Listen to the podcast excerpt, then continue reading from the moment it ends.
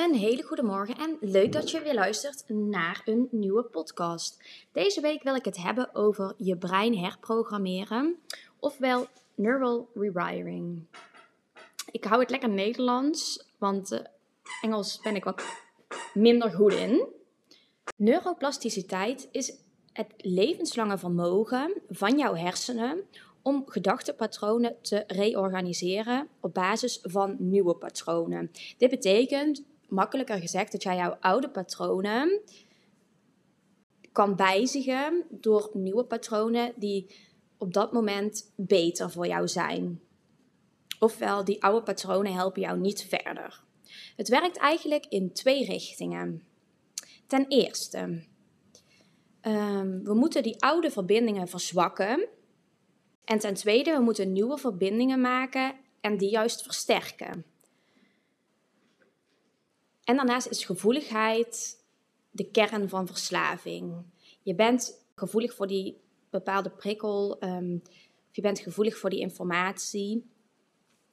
Daarom is je brein programmeren, ofwel herprogrammeren, door nieuwe neurale verbindingen in je hersenen te maken. En dus ook andere gedachten te presenteren en te blijven presenteren, te blijven presenteren, zo vaak mogelijk herhalen. Um, totdat jij daar een nieuw gedachtepatroon over hebt. Ik ga hier een voorbeeld over geven. Um, op, als we het op eetstoornisgebied houden, snacks zijn slecht. Eh, denk aan um, een candybar, een wafel, ik noem zomaar even iets. Hè? Neuronen maken verbindingen in je hersenen. Een soort van patroon. En hoe vaker je dit denkt, hè, dit is slecht voor mij, dit is slecht voor mij of je ziet uh, die bepaalde snack, hoe sterker het patroon wordt. Want je hebt weer een link met die gedachte. Dat is met alle gedachten en gewoontes zo. Die gedachte heb je dagelijks, dus op den duur, wanneer je een snack ziet, komt automatisch het gedachtepatroon van een snack is slecht omhoog. En de angst die daar dus bij komt kijken, want je hebt daar dus een angst voor opgebouwd, houdt het in stand. En verandering kost weer tijd en energie. Dat duurt langer en dat is dus geen prioriteit voor je brein. Wat we moeten doen is ons brein dus leren dat het geen angst is, maar iets wat wij als waarheid hebben gemaakt. Hè, dus dat wij onszelf hebben aangepraat, maar wat uiteindelijk dus helemaal niet zo is. Want snacks zijn niet slecht. Een candybar is niet slecht. Een wafel is niet slecht. Echt waar, geloof me, dit was ook een voorbeeld. Dus ga dit niet aannemen als waarheid. Net als bijvoorbeeld angst voor zwemmen, moeten we het keer op keer gaan herhalen tot het geen angst meer is. En je kunt je voorstellen als jij het uh, de ene week een keer gaat doen, de andere week niet, dan weer wel, dan blijft er een angst bij. Dus het is belangrijk zo vaak mogelijk herhalen. Dagelijks, meerdere keren op een dag. Zo nodig weken of maanden lang totdat jij er geen angst meer bij voelt en je er een andere gedachte bij hebt. Je pakt dus eigenlijk een soort van angststoornis aan. Belangrijk daarbij is je negatieve gedachten geen aandacht geven. dus krijg jij een negatieve gedachte, wat mij dan heel erg helpt, is: Oh, er zit een blok in mijn hoofd en in dat blok, daar past verder niks bij. Daar passen geen andere gedachten bij. Maar wat ik ook wel eens adviseer is: bewaar die negatieve gedachten en bewaar die voor s'avonds tussen 8 en half 9. En dan mag jij over die gedachten gaan nadenken. Uh, dan krijg je de tijd over om daarmee bezig te zijn. De rest van de dag niet. En vaak, als het dan s'avonds 8 uur is, dan heb jij er misschien geen behoefte meer aan. Uh, dan denk jij er anders over. Uh, en kan het zomaar zijn dat je veel minder uh, piekert, angst hebt door de dag heen. Je eerste ingeving is vaak de beste. Daarna ga je piekeren, overdenken en neemt je eetstoornis de overhand. Hè? Dus in eerste instantie denk je, oh, ik heb zin in een wafel. En daarna ga je denken, oh, maar ik vind het eigenlijk wel heel spannend. Maar is dat wel goed voor mij? Um, en vaak komen dan die gedachten waardoor de angst groter wordt en je het niet meer durft.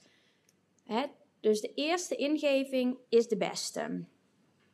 Ook hè, zeggen ze dat wel vaker bij Ehm, wat je het eerst denkt, is vaak het beste als je een antwoord moet geven. Dit is eigenlijk ook zo wanneer je een angst hebt. Wat daarbij ook kan helpen, je hebt paniek, um, ga rustig ademhalen. In door je neus, uit door je mond. Wat daarbij heel belangrijk is, is de buikademhaling. Niet via de borst, maar via de buik. Dus je ademt in en je zet je buik uit. Je ademt uit, je buik gaat terug en je ademt uit door je mond. Je mag daarbij geluid gebruiken. Het klinkt heel gek, maar heel vaak als jij met geluid uitademt, uh, komt er ook nog meer los. Komt er meer angstvrij. Wat ervoor kan zorgen dat jij daar veel rustiger van wordt. Daarnaast bekijk het eens van een afstand. Wat maakt die angst zo groot? Ooit moet je even uit het plaatje stappen.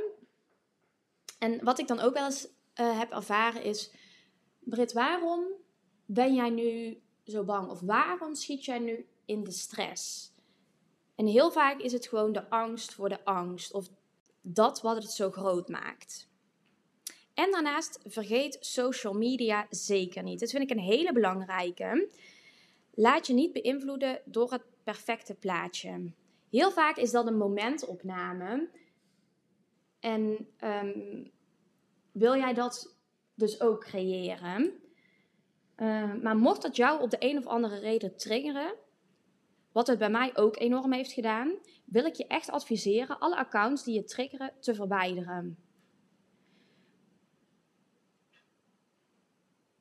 Weet dat je nog altijd vatbaar bent voor anderen in verband met jouw gem. Hè? Jouw gem om een eetstoornis um, en daarin dus een angst te creëren.